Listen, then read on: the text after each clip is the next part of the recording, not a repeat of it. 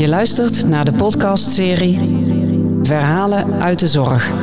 Bijna heel mijn werkzame leven ben ik, Erik van Roon, al verpleegkundige en docent verpleegkunde. En hoe leuk is het dan dat ik voor Fontis Mens en Gezondheid een serie afleveringen maak met als thema Verhalen uit de Zorg. Verhalen vanuit het perspectief van de zorgvrager of van de zorgverlener of vanuit een andere invalshoek.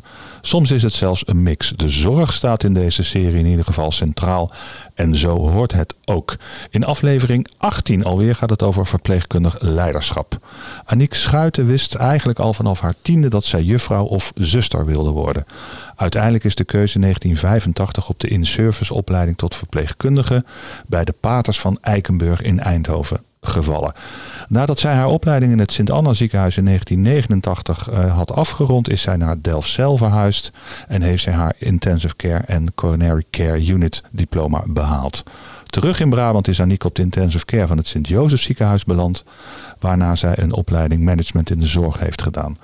Tien jaar later en vier kinderen later in combinatie met een druk thuisfront heeft Aniek de overstap naar praktijkbegeleider op de Intensive Care gemaakt. Tegenwoordig is Aniek opleidingsadviseur binnen acuut met als aandachtsgebied IC, hartbewaking en neurocare.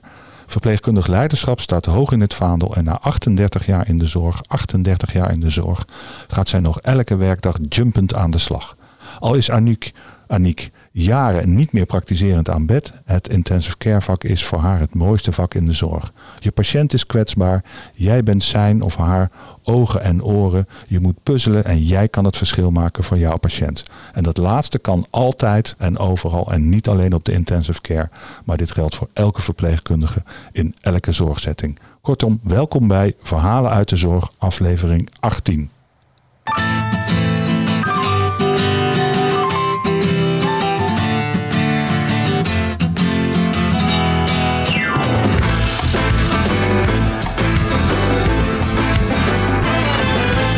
Nou, dat was een hele intro, Aniek. Welkom. Hallo, welkom. Fijn dat je er bent. Na 38 jaar. Nog steeds jumpend naar je werk. Ja, zeker. Hoe ziet dat eruit? Ik ben een beelddenker.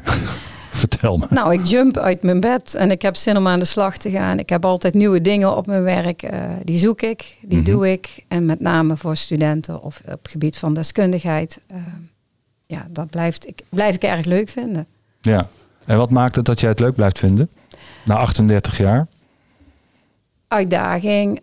Iedereen is anders en die hebben andere dingen nodig. Uh, je hebt ervaring. Je hebt, ik heb veel ervaring opgedaan en ik weet eigenlijk nog helemaal niks. Uh, dat is een interessante. Je hebt veel ervaring opgedaan en je weet eigenlijk nog niks. Nee, precies. Is dat een verbastering van hoe meer dat je weet, hoe eigenlijk meer dat je je realiseert, hoe weinig dat je weet? Of? Ja, ik denk het wel. Elke dag opnieuw denk ik nu, jezus, ik heb nog zoveel te leren en ik wil nog zoveel leren. Ik ben nog lang niet klaar. Oké. Okay. En, um, en dat maakt dat je jumpend naar je werk gaat? Ja, ook. Maar ook de mensen die er werken. Het vak wat je doet. Uh, ik denk wel meer dingen. Ja. Omschrijf jouw vak eens. Het vak wat je doet. Het vak wat ik doe is uh, studenten begeleiden. Um, PO's tegenwoordig. Professionals in opleiding. En terecht. Um, en terecht? Ja, terecht. Professionals. Mm -hmm.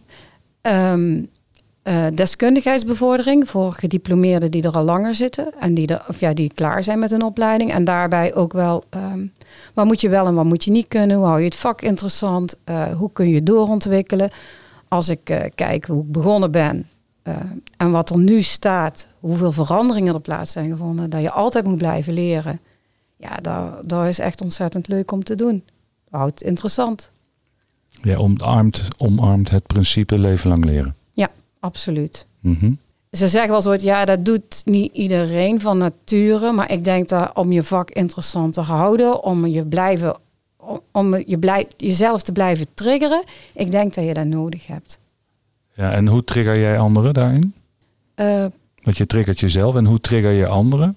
Die pas, ik, ik, ik hoor passie in jouw ja, verhaal. Ja, ik prikkelende vragen stellen, um, discussies voeren met elkaar. Um, uh, uh, jezelf ontwikkelen en de dingen die je ziet uh, verspreiden, uh, anderen op attenderen. Um, en ook scherp zijn. Scherp zijn naar elkaar, denk ik. Uh -huh. Ook durven te zeggen van, goh, waarom doe jij dit nou? Had je dat niet anders kunnen doen? Of ik zie dat anders. niet, niet veroordelen, maar ook gewoon. En hoe zou je dingen beter kunnen doen? -hmm. En ook heel en wat je ziet is ik vind dat veel meer verpleegkundigen zich verder ontwikkelen. En dat je ook echt daar eh, nieuwe dingen ziet, maar die ook echt de verandering uitmaken. En zeker bij ons op de afdeling zie ik daar, de ruimte is er nu voor. Er was een paar jaar geleden veel minder. En nu Bij ons op de afdeling, want je hebt drie afdelingen onder jouw hoede. Ja, en toch is mijn hart eigenlijk wel het IC-vak, want daar zit Mhm. echt in de harde kern. Ehm, ik vind, ehm, eh, als, je, als, ik, als ik als verpleegkundige praat, dan ben ik intensive care verpleegkundige. Mhm. Ik, dat vind ik het mooiste vak wat er is. Waarom? Ehm, omdat jij echt het verschil kan uitmaken. Dat zei je al bij de intro. En Maar daar daar zat ook een zinnetje achter. Anytime, anywhere, any place. Geldt eigenlijk voor iedere verpleegkundige. Ja, dat klopt. En dat denk ik ook echt dat dat zo is. Want ik denk dat je je bewust moet zijn van eh, de, de, het vak wat je uitvoert en de belangrijkheid daarvan. Mhm. Ehm, daarom is verpleegkundig leiderschap ook heel eh, voor mij essentieel. Ik vind dat mensen hun eigen verantwoordelijkheid moeten nemen, een eigen regie moeten voeren, maar ook zelf ehm eh, ja, op zichzelf moeten zijn dat ze het beste willen doen voor hun patiënt. Mhm. En wat het beste is, daar voel je zelf in, maar ook met elkaar. Dus verpleegkundig, verpleegkundig leiderschap is niet eh, letterlijk een leider, een teamleider of een manager. Nee, dat is de regie voeren. De regie over jouw Ja. patiënt, de regie over jouw eigen kunnen ook. En je eigen verantwoordelijkheid daarin nemen. Dat, en dat, dat vind ik, dat is, een, dat is eigenlijk mijn missie op dit moment om dat voor elkaar te gaan krijgen. Jouw missie. Ja, mijn missie. Dat is echt, ik, is heel, eh, ehm, ik, ik kijk verder dan de, de grenzen van acuut binnen ons ziekenhuis. eh, de, de relatie met de academie, diegene die opleidingen verzorgt. eh, Je werkt in het Maxima Medisch Centrum tegenwoordig. Hè? ja, Ja. ja. ja, Mag je noemen. Maar, ja, Maxima Medisch Centrum. Maar de academie die daar zit, die, Mhm. met hun heb ik, ehm, zit ik in aantoonbaar bekwaam. Mhm. En eh, voorheen was het vinken van ik kan dit, ik kan dit. En ik zette mijn groene vakje. En eh, Checklist manifest. ja, Ja. net zoiets als vroeger het witte boekje. Het OPO-boekje. Het OPO-boekje. Oh, dat is heel erg. Wij verklappen onze leeftijd aan de luisteraars. Ja, maar dan. Ze kunnen gaan terugrekenen. Ja, Nou, voor jou heb ik het genoemd. Ik was Ja. een jaar eerder. Dus. ja, Oké. ja. Maar, en dat was sowieso bij Eikenburg, dat is al lang weg. En de in-serviceopleiding is ook al lang weg. Heel, eh, komt weer terug stiekem, hè? Mhm. soms. Maar ehm, en zit ik in aantoonbaar bekwaam. En ik vind ook dat je bijvoorbeeld, je kan heel veel lessen over dingen hebben gevolgd, hoef je het nog niet te kunnen kennen. En ik vind dat je zelf de verantwoordelijkheid moet nemen. Kan ik iets uitvoeren, ja of te nee? En niet, ik heb die training gevolgd, dus ik kan het. Nee, zo werkt het niet. Is dat, eh, vroeger had je, vroeger, we gaan over eh, bekwaam en bevoegd. Bevoegd en bekwaam. Ja, dat is nog steeds. Dat hè? is nog steeds, ja. Dat is nog steeds. Maar, maar wie bepaalt dat jij bevoegd en bekwaam bent? Dat ben jij zelf, denk Mhm. ik. Wel aan de spiegel van hetgeen wat er staat. Dus bijvoorbeeld een protocol of eh, hoe je het uit moet voeren. Want soms weet je het niet. Dan ben je, eh, eh, ben je onbekwaam, onbevoegd, Mhm. denk ik. Dat je ook niet weet wat je, moet, wat, je, wat je moet kennen. Dus je moet echt wel verdiepen van wat je moet kennen. Maar uiteindelijk ben jij zelf degene die bepaalt wat bekwaam is bevoegd. En dat is voor mij verpleegkundig leiderschap. In alle vormen, facetten die jij, ja. Die je moet doen. Ja, ja, ja, ik zit nog even aan de. de, de je hebt die zo'n viertraps raket. eh, onbewust onbekwaam, bewust onbekwaam, bewust bekwaam. Ik denk Ja. tussen die laatste twee daar. Ja. Dat, dat is jouw speelveld. Ja. Je moet, mensen moeten zich wel bewust zijn van hun onbekwaamheid. En daar begint het leren. Oké, ik ga me nu bewust bekwaam maken. Ja, En precies. daarna ben je onbewust, on, onbewust bekwaam. Ja. Dus dan waarom doe je dingen zo? dan moet je er even bij nadenken. Ja. Ja. Hmm. Maar dan moet je wel ook af en toe dat onbewuste, dan moet je ook weer triggeren. Want je hebt nu tegenwoordig van die. eh, ja, we hebben het leerplein, waarbij je dus om de zoveel tijd moet je aantonen dat je bekwaam bent. Dat wordt ook geacht dat je dat doet. En als je dat. ehm, dus om de twee jaar. En dan moet je dus ook zeggen van nou, ik kan dat wel. Maar weet je er zeker? Heb je nog het nieuwe heb je het protocol nog even gelezen of het wel of niet klopt? Mhm. Daar ben je zelf voor verantwoordelijk. En dat moet niet een ander hoeven te doen voor jou. Nee, nee. Jij moet willen dat jij je vak goed uitvoert, want dat verdient die patiënt. Ja. Dat is een mooie link naar persoonsgerichte zorg. Ja, Hoe, eh, hoe komt dat in jouw verhaal tot uiting? Wacht, dat laat ik even onze jingle mevrouw zeggen. Persoonsgerichte zorg. Hoe komt dat in jouw verhaal tot uiting? En zorg is niet alleen naar de patiënt, maar dat is ook naar de collega's, naar de PIO's. ja. Hoe, hoe komt dat in? Hoe, hoe, hoe, hoe geef jij inhoud aan persoonsgerichte zorg in de Ik- breedste zin van het woord? Toen ik als verpleegkundige aan bed stond, dan probeerde ik echt wel te kijken van wat die patiënt nodig had. Dus bijvoorbeeld bij langliggers op de IC, dan moeten ze weer na gaan denken. Dan, ik heb een potje staan dammen met eh, een van de patiënt. Dat ik gewoon dacht van, nou, ga, ga maar eens even nadenken. Doe maar gewoon simpele Mhm. dingen. En dat was eigenlijk niet normaal bij ons op de afdeling. Maar ehm, ik denk dat dat soort dingen, dat je oog voor die patiënt hebt, waar je tegenwoordig echt wel veel meer ziet. We hebben een, een taakgroep, de comfortabele patiënt. Die kijkt wat patiënten nodig hebben. En voor de ene patiënt is dit, voor de andere patiënt is dat. Je hebt ook complete schema's op de, op de kamer hangen van eh, hoe ziet die gezinssituatie eruit, wat wil die patiënt. Dus dat je echt wel wat voor muziek luistert die, zet je, zet Mhm. je die muziek op. Ehm, Die, hoe, hoe heet dat? De comfortabele patiënt? ja, de comfortabele en patiënt. comfortabel, is dat dan, moet ik dat holistisch zien? Ja. Zowel fysiek als psychosociaal? Ja. Ja, oké. Ja, daar, hoor, daar vallen veel dingen onder. Hè. Daar valt family centered care onder. Daar valt echt eh, ehm, muziek op de IC onder. Daar vallen echt heel veel dingen op. Aromatherapie. Ik weet niet wat ze tegenwoordig allemaal bedenken. Maar echt wel gekeken van wat heeft die patiënt nodig? Hoe kunnen wij die zorg steeds opnieuw verbeteren? En ook individualistisch. Van ja, deze patiënt heeft deze vraag. En die andere patiënt heeft die andere vraag. En daar kunnen jullie aan voldoen. Niet altijd. Maar Mhm. dan probeer je wel zoveel mogelijk. Waar, waar zijn de grenzen? Eh, Moet- ik, moet, ik moet heel raar aan- André van Duin denken. Er staat een paard in de gang. Er staat een paard op de nou, IC. maar, maar Maar dat heb ik wel eens gezien op YouTube filmpjes. Ja, ik ook. En ik vind eh, en bijvoorbeeld met huisdieren, de grenzen die verken je met elkaar. Er zijn geen grenzen misschien wel. Maar je Mhm. weet wel, dingen zijn, eh, je probeert zoveel mogelijk het goede te doen. Ja. Als dat kan, dan kan het. Dus er zijn geen grenzen. En dat geldt eigenlijk ook wel voor eh, begeleiding van collega's, van, van je studenten. Je kijkt wat die ene nodig heeft. En de ene heeft dit nodig en de ander heeft dat nodig. En dat probeer je zo goed mogelijk eh, met die persoon mee te bewegen om voor elkaar te krijgen wat die droom of die opleiding uiteindelijk moet zijn of worden. Mhm. En ik, ik denk dat het goed is als je kijkt hoe mensen eh lol in een vak houden, maar ook hun doelen kunnen behalen. Zodat zij jumpend naar het werk toe gaan. Dat wordt een beetje het centrale thema. Ja, ja, Hoe, hoe zorg je ervoor dat iedereen jumpend naar zijn werk... Ja, nou, da- daardoor. Ja. ja da- daardoor. Maar ook wel, weet je, het gaat ook, dat is ook wel een thema waar bij ons terugkomt.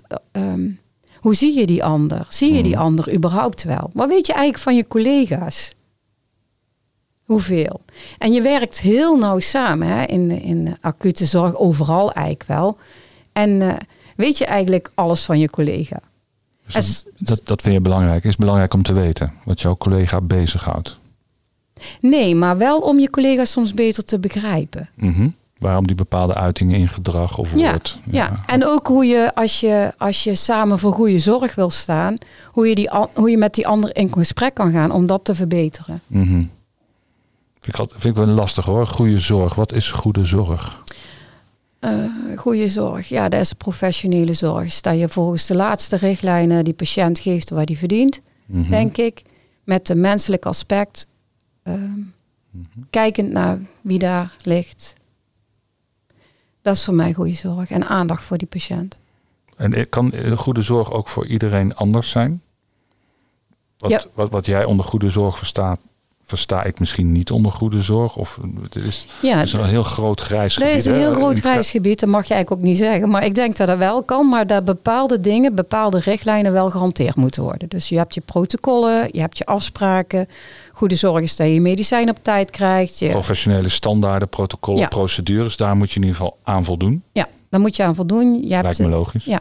En dan heb je je persoonlijke touch die je daaraan aan kan geven. Hoe ziet jouw persoonlijke touch eruit? Ik ben nu jouw PO. Ben je... Oh, Oké. Kan hè? Oh, daar word ik, word ik er helemaal zenuwachtig van als jij mijn PO zegt. Nou, Waarom word je daar nou zenuwachtig van? Nou ja, Oh, dat is wel nou, grappig. weet je, de persoonlijke touch kan denk ik zijn ook wel. ehm, ik heb altijd wel heel erg interesse in die persoon die tegenover me zit. Wat Mhm. beweegt hij? Wat doet hij? Wat is hij? Ehm, en wat kan ik ervan leren? Ik ga ik zelf dingen wel halen. Mhm. Ehm, en ehm, ja, hoe kan ik, wat kan ik voor die persoon betekenen om die persoon het dingen makkelijker te maken, denk ik. Mhm. En dan maakt het niet uit wie dat er tegenover je zit. Nee, maakt niet uit. Of, het nou een patiënt is, of een collega, of een PIO, of een arts, of wat dan ook. Nee. Ik denk dat dat, dat probeer ik te doen. Zal ook echt niet altijd lukken, maar is wel mijn insteek. Ja, je probeert, ja, precies. Je probeert bij hem of haar een inkijkje te krijgen wat hem of haar bezighoudt. En daar ga je op aansluiten dan. Want je had het ook over halen. Wat, wat, wat zou je bijvoorbeeld bij mij als PIO willen halen dan? Als PIO, ja. Mhm. Ik ben de PIO. Ik vind trouwens wel een heel rot woord. Ik denk elke keer aan Pino van Sesamstraat. Maar Ja, eh, de professional in opleiding. Ja, de professional in opleiding. Wat ik daar wil halen is ook de gedachtes waarom je dingen doet. En dat triggert je soms wel om ook over je eigen manieren van werken na te denken. Waardoor je dingen misschien wel beter kan doen. Mhm. Zelf. Je loopt al 38 jaar jumpend eh, naar je werk. Zie jij een verandering, ook maatschappelijk gezien, in, eh, toen wij met de opleiding begonnen, ergens in de jaren 80 van de vorige eeuw? En nu? Ja, enorm. Wat, wat, wat is het verschil? En hoe, hoe sluit jij daar als eh, ervaren 38-jarige in werkzaam in de zorg zijnde daarop in? Je hebt andere trigger points. Het is, ehm, ehm, ik merk bij mensen die jonger zijn, die hebben de work-life balance staat meer eh, in, eh, in, ja, is meer in balans. Ehm, eh, de gedrevenheid is op een andere manier. Men maakt bewustere keuzes, denk ik, maar men wil ook meer. Ik heb ook een aantal collega's die echt voor de CAO en het geld gaan. En ik was veel meer, eh, ja, ik zei al Florence Nightingale. Ik mag het eigenlijk niet zeggen, maar dat is toch wel zo.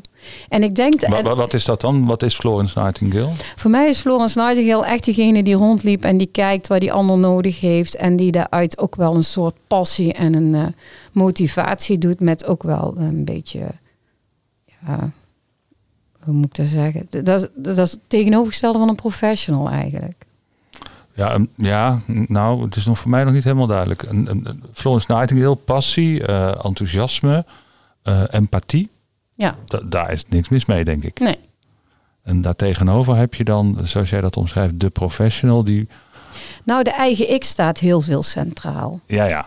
En dat vind ik best soms lastig. En ik vind het ook bewonderenswaardig. Mhm. Dus ik denk dat daarmee in dialoog met elkaar gaan, dat dat de resultaten oplevert die je misschien wel moet hebben. Is ook een uiting van verpleegkundig leiderschap. Ja. Ja, En, ja, en daar moet je elkaar in zien te vinden. ja, ja. Maar ook met elkaar, weet je, die dialoog wordt vaak niet gevoerd, Mhm. denk ik. Men vindt iets van elkaar, maar voert die dialoog niet. En dan Ja. zie je ook wel verschil tussen, ehm, tussen de ene generatie en de andere generatie. Mhm. Ja, en hoe komt dat met elkaar? Dat het dan toch tot goede zorg uit ja, komt. Ja, wat je wil, die generatie kloof wil je voorkomen. Ja, eigenlijk wel. Ja. Of begrip voor elkaar in ieder geval. ja, en dat betekent dus dat je met elkaar in gesprek moet blijven gaan. Ja. Interessant om daarin met elkaar in gesprek over te gaan, denk ik. Ja, hoe, hoe, hoe selecteren jullie, eh, of werven, werving en selectie, eh, nieuwe collega's, nieuwe professionals in opleiding? Waar, waar, waar kijken jullie naar? Al- Als ze solliciteren bij ons, Mhm. wij- wat de criteria zijn, Ja. ehm, dat ze weten waar ze voor kiezen. Mhm. Eh, we laten ze vaak, we hebben solliciteren binnen een dag. Dan begin je om kwart over zeven 's ochtends, loop je met een collega mee. Dan zie je de zorg aan bed. Dan weet je hoe eh, eh, verpleegkundigen met artsen omgaan, hoe we al in een team werken met elkaar. Mhm. Waardoor je ook wel iets relaxter bent als je je sollicitatiegesprek ingaat. Dan heb je vervolgens een sollicitatiegesprek met de leidinggevende en de opleidingsfunctionaris. Ehm, je hebt van tevoren een assessment gedaan waar je persoonlijke drijfveren zijn en eh, persoonlijke kenmerken. Mhm. Daar krijg je ook wel diepgang in het sollicitatiegesprek waar je tegenaan kan lopen en waarom Mhm. je die keuzes maakt. En je hebt een gesprek met twee verpleegkundigen en een intensivist, omdat we als een team willen werken. Mhm. En eh, wij met z'n zessen kijken, dus diegene waar je mee mee hebt gelopen en met diegene die je gesprek hebt gevoerd, die kijken van, goh, denken wij dat deze persoon iets is? Je moet een beetje stressbestendig zijn. Je moet ook wel eh, eh, wat ervaring hebben in de zin van dat je je klinische blik al een stuk hebt ontwikkeld. Mhm. En voor de ene is dat ehm, in zijn opleidingstijd en voor de ander heeft hij daar iets langer voor nodig. Ehm, en die, ehm, als je dan positief bent dan, en die persoon die denkt, ja, ik wil hier werken, want die kan ook proeven aan de afdeling, aan het het gaat twee kanten op natuurlijk. Ja, en dan Komt vinden het we ook, vaak voor dat mensen wel eens zeggen na zo'n sollicitatiedag, ik vind het wel heel mooi gevonden trouwens, eh, een sollicitatiebelevingsdag. Nou, nou, dat, dat die persoon dan zegt van nou, eh, bij nader inzien toch eigenlijk niet. ja, dat komt ooit wel voor. Eh, Hoe vaak? Niet zo vaak. Niet zo vaak. De meeste mensen die meelopen, die, willen, die, die kiezen er ook wel gericht voor. Ja, ja, ja. Ja, maar het is wel goed. We hadden laatst ook een, eh, iemand die, die, die had echt enorm veel zin om bij ons te beginnen. En die zei na drie weken, ja, dit is het niet. Nee, ja, dat kan. Hoe stoer, hoe dapper is het om dat te zeggen. Dat is verpleegkundig leiderschap. leiderschap. Hè? Ja, dat is echt... Ja. Maar je moet ook gaan voor je eigen, waar jij gelukkig van wordt binnen jouw werk. Ik Ja. denk dat je daardoor ook je werk langer vol kan houden. Mhm. het- 38 jaar. Ja. Er is hij weer. Nee, maar geld, dat geldt ook voor... Ja, dat is wel heel confronterend. Eh, nou, nee, maar goed. Nee, nee. Ja, ik wil nog 100 worden, dus ik heb nog heel lang te gaan. Hoeveel jaar moet jij nog werken officieel? Ehm, officieel 10 jaar, denk Ah, ik. ja, ja, nou. Ja. Dus jij gaat 48 jaar jumpend halen. Oh, dat weet ik niet. er zijn ook nog andere dingen die leuk zijn in het leven. Oh, het een andere ding waar je ook van kunt gaan jumpen. Ja, ja. Maar je moet wel, ik vind wel dat je een, wat voor vak je ook doet, hè, en waar je ook zit in de zorg, maar wat voor vak je ook doet, al ben je vuilnisman, je moet wel een bepaalde gedrevenheid hebben om je vak goed te doen. Mhm. En dan zeg ik, al ben je vuilnisman, ik ben namelijk een keer heel boos op een vuilnisman geworden omdat hij mijn kliko liet staan. Dus vandaar dat die voorbeeld naar voren komt. Ik denk, jij bent hier, jouw werk is dat jij mij moet helpen daarmee. Ja, dan was ik niet blij mee. Maar dat vind ik, ik vind in de zorg ook hè, dat je echt, echt, je, ik denk dat je vak, als je dat met tegenzin doet, niet goed kan doen. Dat denk ik echt. Nee. En zeker in de zorg waar het, en zeker op de intensive care, waar het soms echt om ja, die cruciale eh, kleine dingen gaat. En die kleine dingen kunnen heel groot worden, kunnen grote consequenties hebben op vitale functies. Ja. Zeg maar. Ja, zeker. Ja. Dus je moet scherp zijn. Hè? Je Ja. moet ook scherp zijn. En ik denk als jij er geen zin in hebt, dan hang je achterover, dan zie je het wel, dan geloof je het allemaal wel. En als je scherp bent, dan zit je er bovenop. Ja, En dan moet je zeker binnen de acute setting doen. ja, ja. Oké, dankjewel. Eh dit is ook een aardige. We hebben drietal thema's, dat wist je. De persoonsgerichte zorg, eh, daar kunnen we natuurlijk nog steeds op terugkomen. Maar eh, wat kan nou echt niet meer? Dat kan echt niet meer. Flus je maar. Weg ermee. Ja, down the Bak aan drain. ervaring, ja, down the drain. Wat kan wat jou betreft down the drain? Ja, dat is, dat, dat is voor mij mijn vak, dat is eh, standaard leertrajecten. Standaard leertraject. Ja, dat kan eigenlijk niet meer. Je kijkt gewoon waar diegene nodig heeft en daar pas je aan. En, en wat bedoel je met een standaard leertraject? Ja, je komt binnen en je moet dit en dit en dit en dat leren en dat en dat en dan ben je klaar. Ja, zo werkt het niet. Nee, hoe, hoe ziet een, een werkplan in jouw ideale plaatje er dan wel uit? Een op maat leerplan?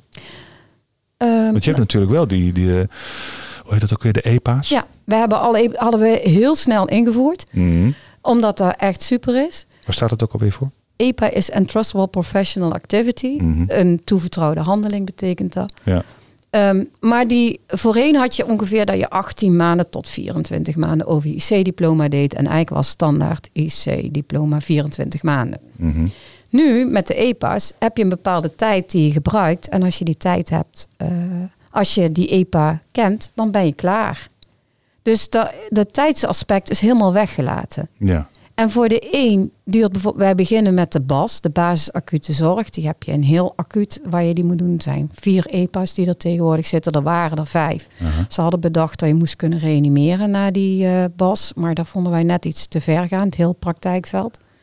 En, dan de en dan het reanimeren, het Advanced Cardiac Life Ja. Support. Ja. Ja. Dus de. BLS, Ja, de BLS sowieso wel. Hè. Sowieso moet wel. iedereen die in de gezondheidszorg werkt, moet dat Mhm. kunnen. maar de ACLS dan met name. Ja. Ja. Oké.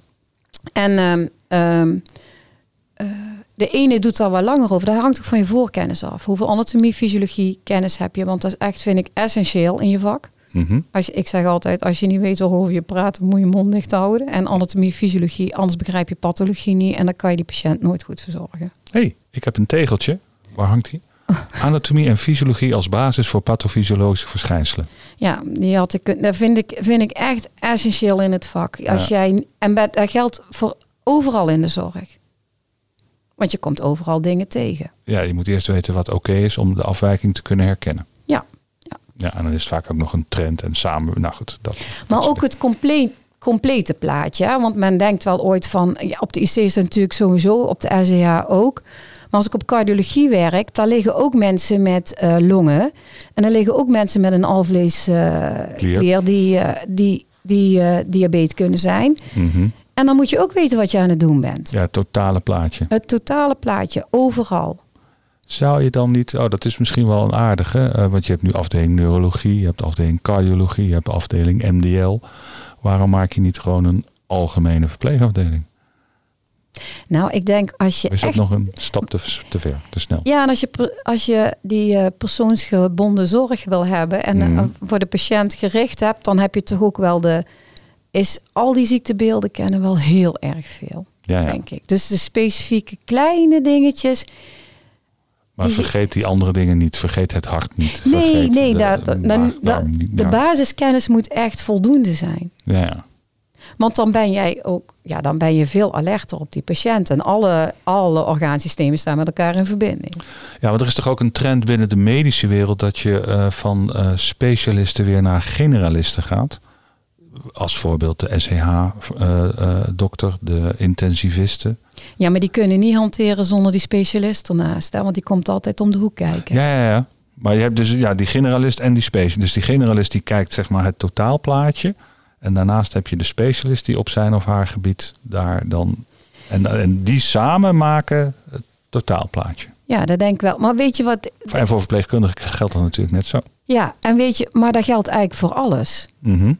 Want als ik het heel breed ga kijken bij mij in mijn werk als opleidingsfunctionaris, als je um, uh, bijvoorbeeld met aantoonbaar bekwaam, heb ik de academie nodig, maar ook kwaliteit en veiligheid die voor de protocollen staat en te kijken wat een verpleegkundige moet kunnen. Ja. En je ziet heel veel dat men in hokjes denkt en niet de linken met elkaar legt, waardoor de zorg ja, daar, daar veel beter kan. En dat denk ik, misschien is dat bij verpleegkundigen ook wel zo. Daarom is het misschien wel interessant om op afdelingen specialistische verpleegkundigen rond te hebben lopen en gewoon generieke verpleegkundigen rond te hebben lopen. Ja, en die combinatie maakt dat de zorg beter goed wordt. Ja.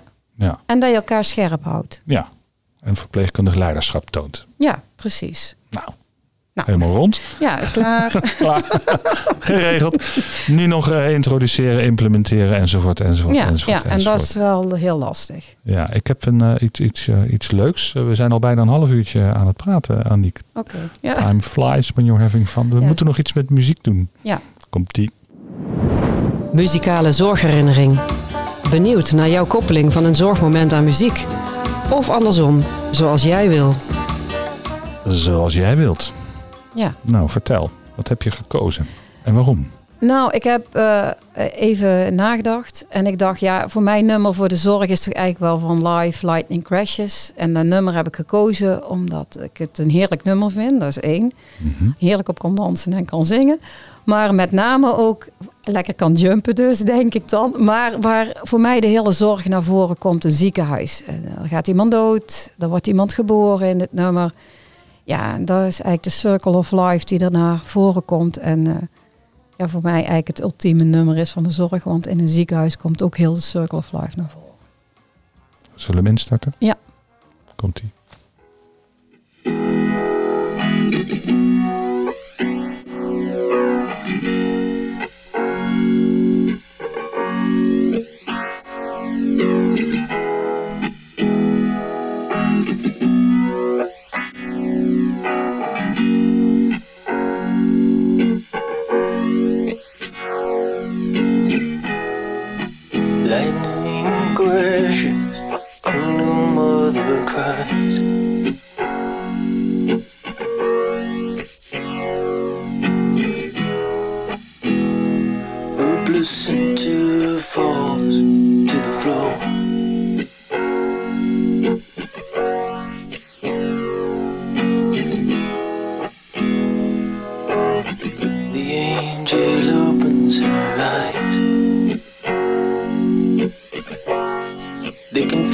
Sets in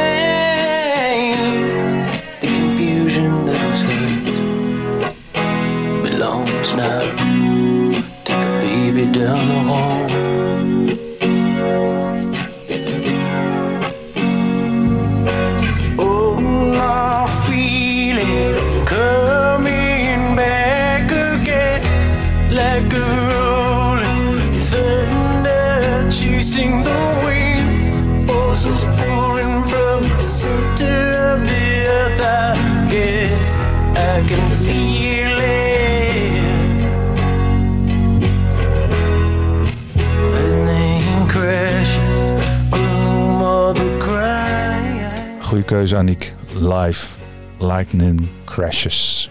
En tijdens het afspelen van dit eh, nummer hadden we het al even, want we zijn eh, dik een half uur al met de podcast bezig.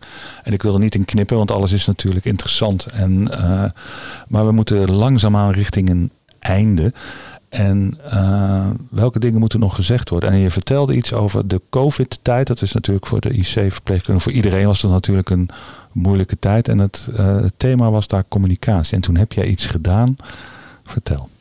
Nou ja, toen kwam ook CZO Flex Level met de EPA's om de hoek.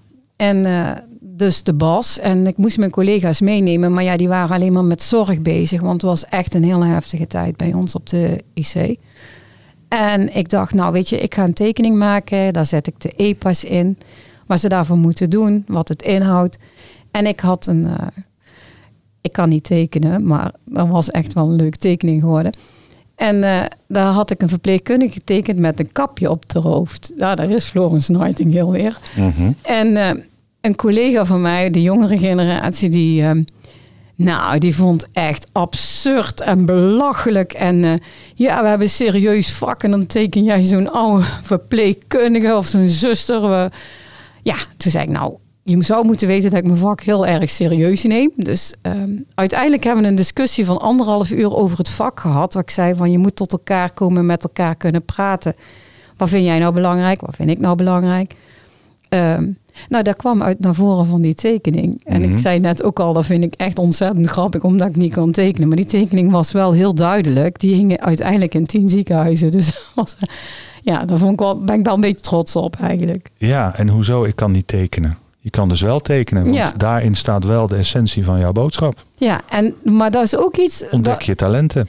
Ja, en, en laat nooit door iemand zeggen dat je iets niet kan. Want je kan alles als je het wil. Dat vind ik ook echt, dat, dat is echt ook wel een motto in leiderschap. Maar ook wel gewoon waar je mensen mee wil geven. Als je iets wil, dan kan je het. Laat niet door anderen iets opleggen dat je iets niet kan. Ja, probeer het in ieder geval. Ja, En dan kom je er vanzelf. Net zoals dat voorbeeld wat je net gaf van die eh, collega, die peer professional in opleiding, na drie maanden of drie weken, wat was het? Drie weken. ja, Dat ze dan zegt van nee, dit is eigenlijk toch niks voor mij. Nee. Nou, dat, dat is verpleegkundig leiderschap. ja, Eh, Je eigen grenzen kennen, aangeven en dat daarvoor durven uit te komen. te komen. Ja. Ja. Zeker. En als jij met het niet, te kunt het niet kunnen tekenen toch de boodschap in essentie overbrengt, kun je ook de conclusie trekken. Ik kan wel tekenen. Ja, nou ja, ik kan simpel tekenen. maar weet je wat wel leuk Ik is? dacht een Want- mooie afsluiter te hebben. Nee, ik kan Ja, nee, ja, weet je, maar ik wil, dat wil ik, want het, dat is een vorm van storytelling wat ook erg leuk is. Als je maar bij je eigen verhaal blijft, dat is misschien ook wel verpleegkundig leiderschap. Ik moet ook al het laatste woord hebben, sorry. Nee, je mag, je mag, het, het is jouw podcast. Jij mag het laatste woord hebben. Nee, heb ik niet. Er valt nog zoveel te leren en te ontwikkelen. Ik hoop dat heel veel mensen het laatste woord hebben. Dat is een mooie afsluiter. Aniek, ik ga jou danken. Nog eh, tien jaar huppelend, jum- jumpend naar je werk. Als jij dat kan, dan kan ik dat zeker. Nou. Dank voor jouw inspirerend eh, verhaal. Ja, dankjewel dat ik mag komen.